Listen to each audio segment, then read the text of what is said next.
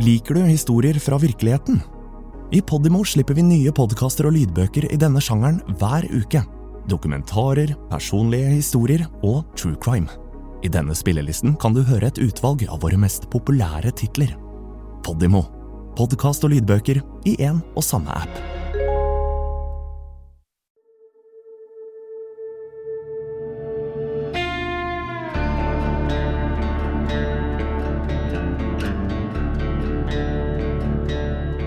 Onsdag 1. desember 1999, litt før 11 om kvelden, sitter 46 år gamle Lisbeth Johansen Ritzi sammen med en venn i leiligheten sin i Sveigårds gate i Oslo. Hun tar imot to telefonsamtaler. Begge anropene er fra Bergen, like før nattoget går til Oslo. Vennen forlater Lisbeth sin leilighet like etter, fordi Lisbeth har en avtale ved midnatt som hun er nødt til å rekke. Dagen etter, altså 2. desember, rundt klokka ti om formiddagen, ringer en venn på døren til Lisbeth, men ingen svarer. Vennen bruker hele tre timer på å komme seg inn i leiligheten, og får til slutt tak i en kvinnelig bestyrer som låser ham inn. Nøklene står fortsatt i døra, men det ligger en sigarettstump på kjøkkengulvet. Sammen saumfarer de leiligheten. Når de går inn på soverommet, ser de at Lisbeth Ritzi ligger påkledd, men livløs i senga, med et pledd surret rundt hodet. Politiet mistenker en overdose, men etterforsker dødsfallet som mistenkelig. Du hører på Norges uløste drap. Jeg heter Hanna Klingberg.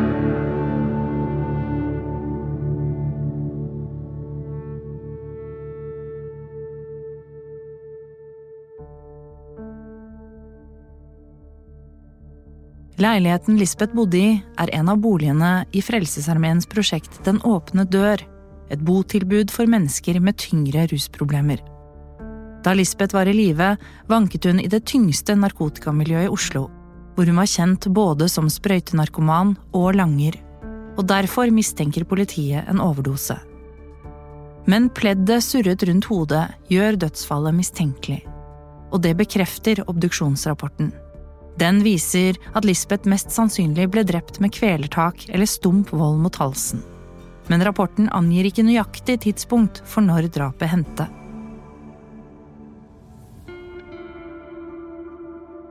Siste livstegn fra Lisbeth Ritzi var like før klokka elleve om kvelden, og hun ble funnet død dagen etter, kvart over ett om ettermiddagen. Det er hva som hendte i løpet av disse timene i leiligheten i gate som politiet må oppklare for å komme til bunns i saken. Politiet mener gjerningspersonen må være noen som kjenner Lisbeth. For å komme seg inn i leiligheten må man bli låst inn hele tre dører, og i tillegg lå nøklene på innsiden av døra da vennen og bestyreren kom inn. Dette gir politiet grunn til å tro at gjerningspersonen ble låst inn av Lisbeth selv.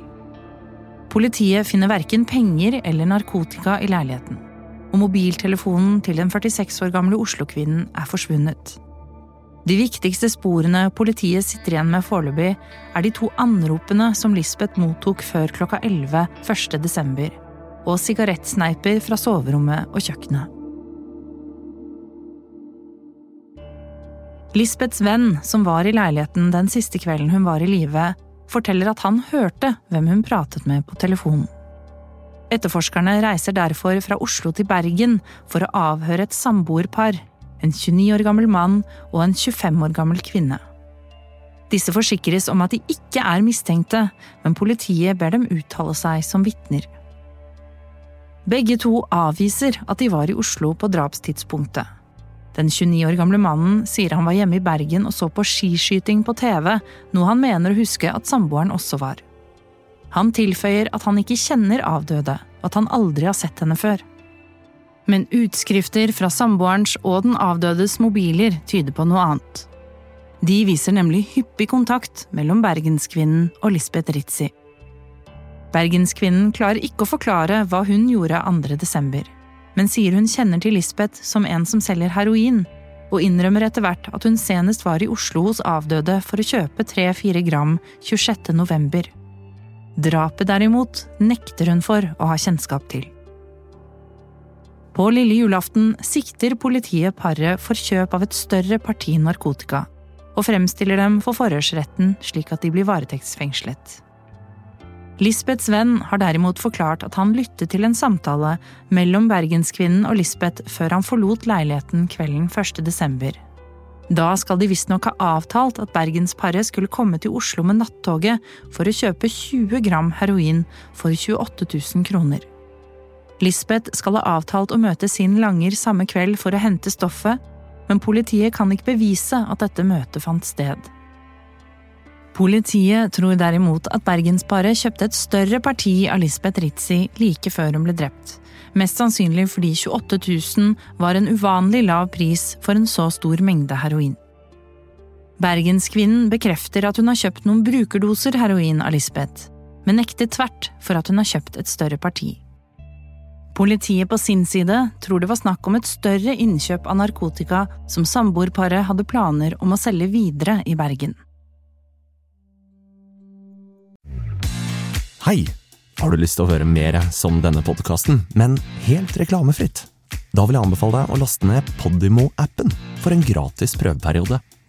Ikke bare finner du kvalitetspodkaster innen alle sjangere, men også flere av de mest populære lydbøkene. Alt sammen i Podimo-appen.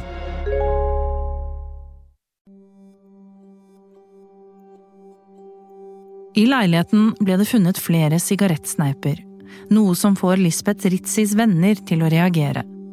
Dette var svært uvanlig oppførsel til å være henne.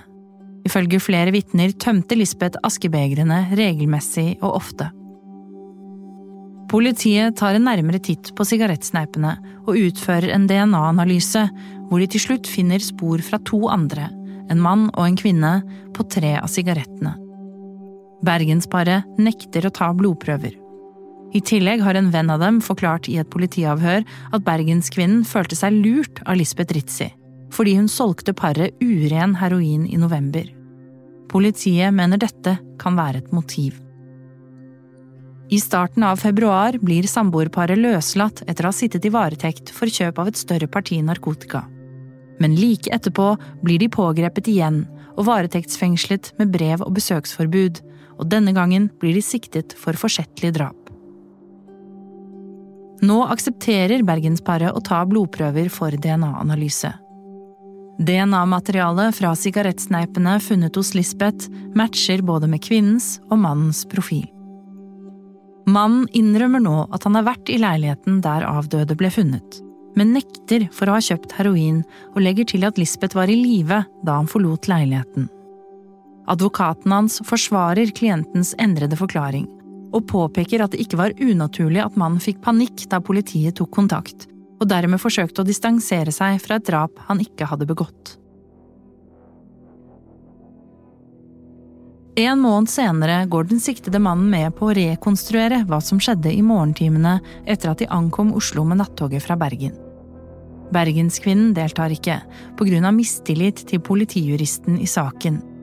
Hun mener nemlig at politiet skrev direkte usanne ting etter at de sist fikk avslag om fortsettelse av brev- og besøksforbud.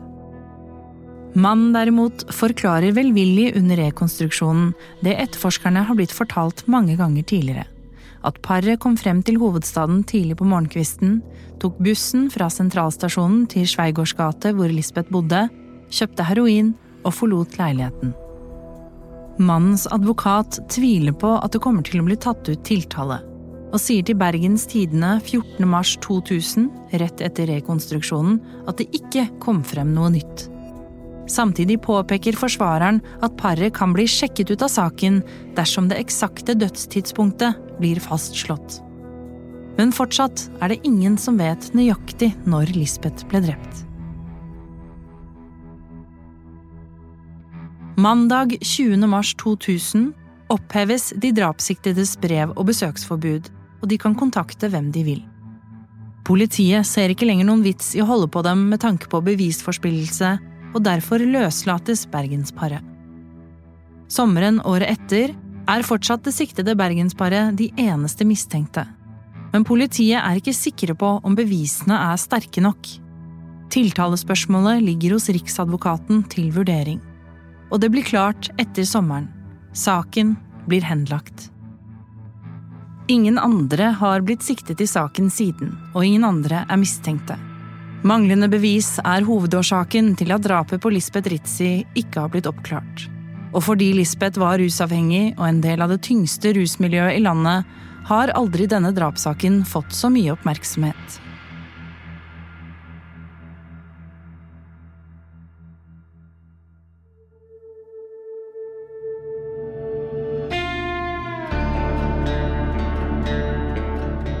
Har hørt på Norges uløste drap.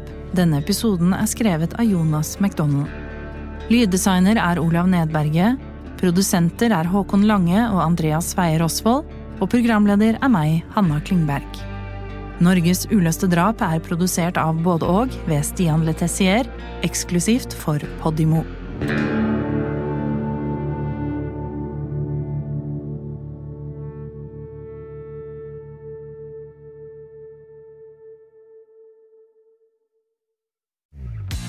Likte du denne episoden?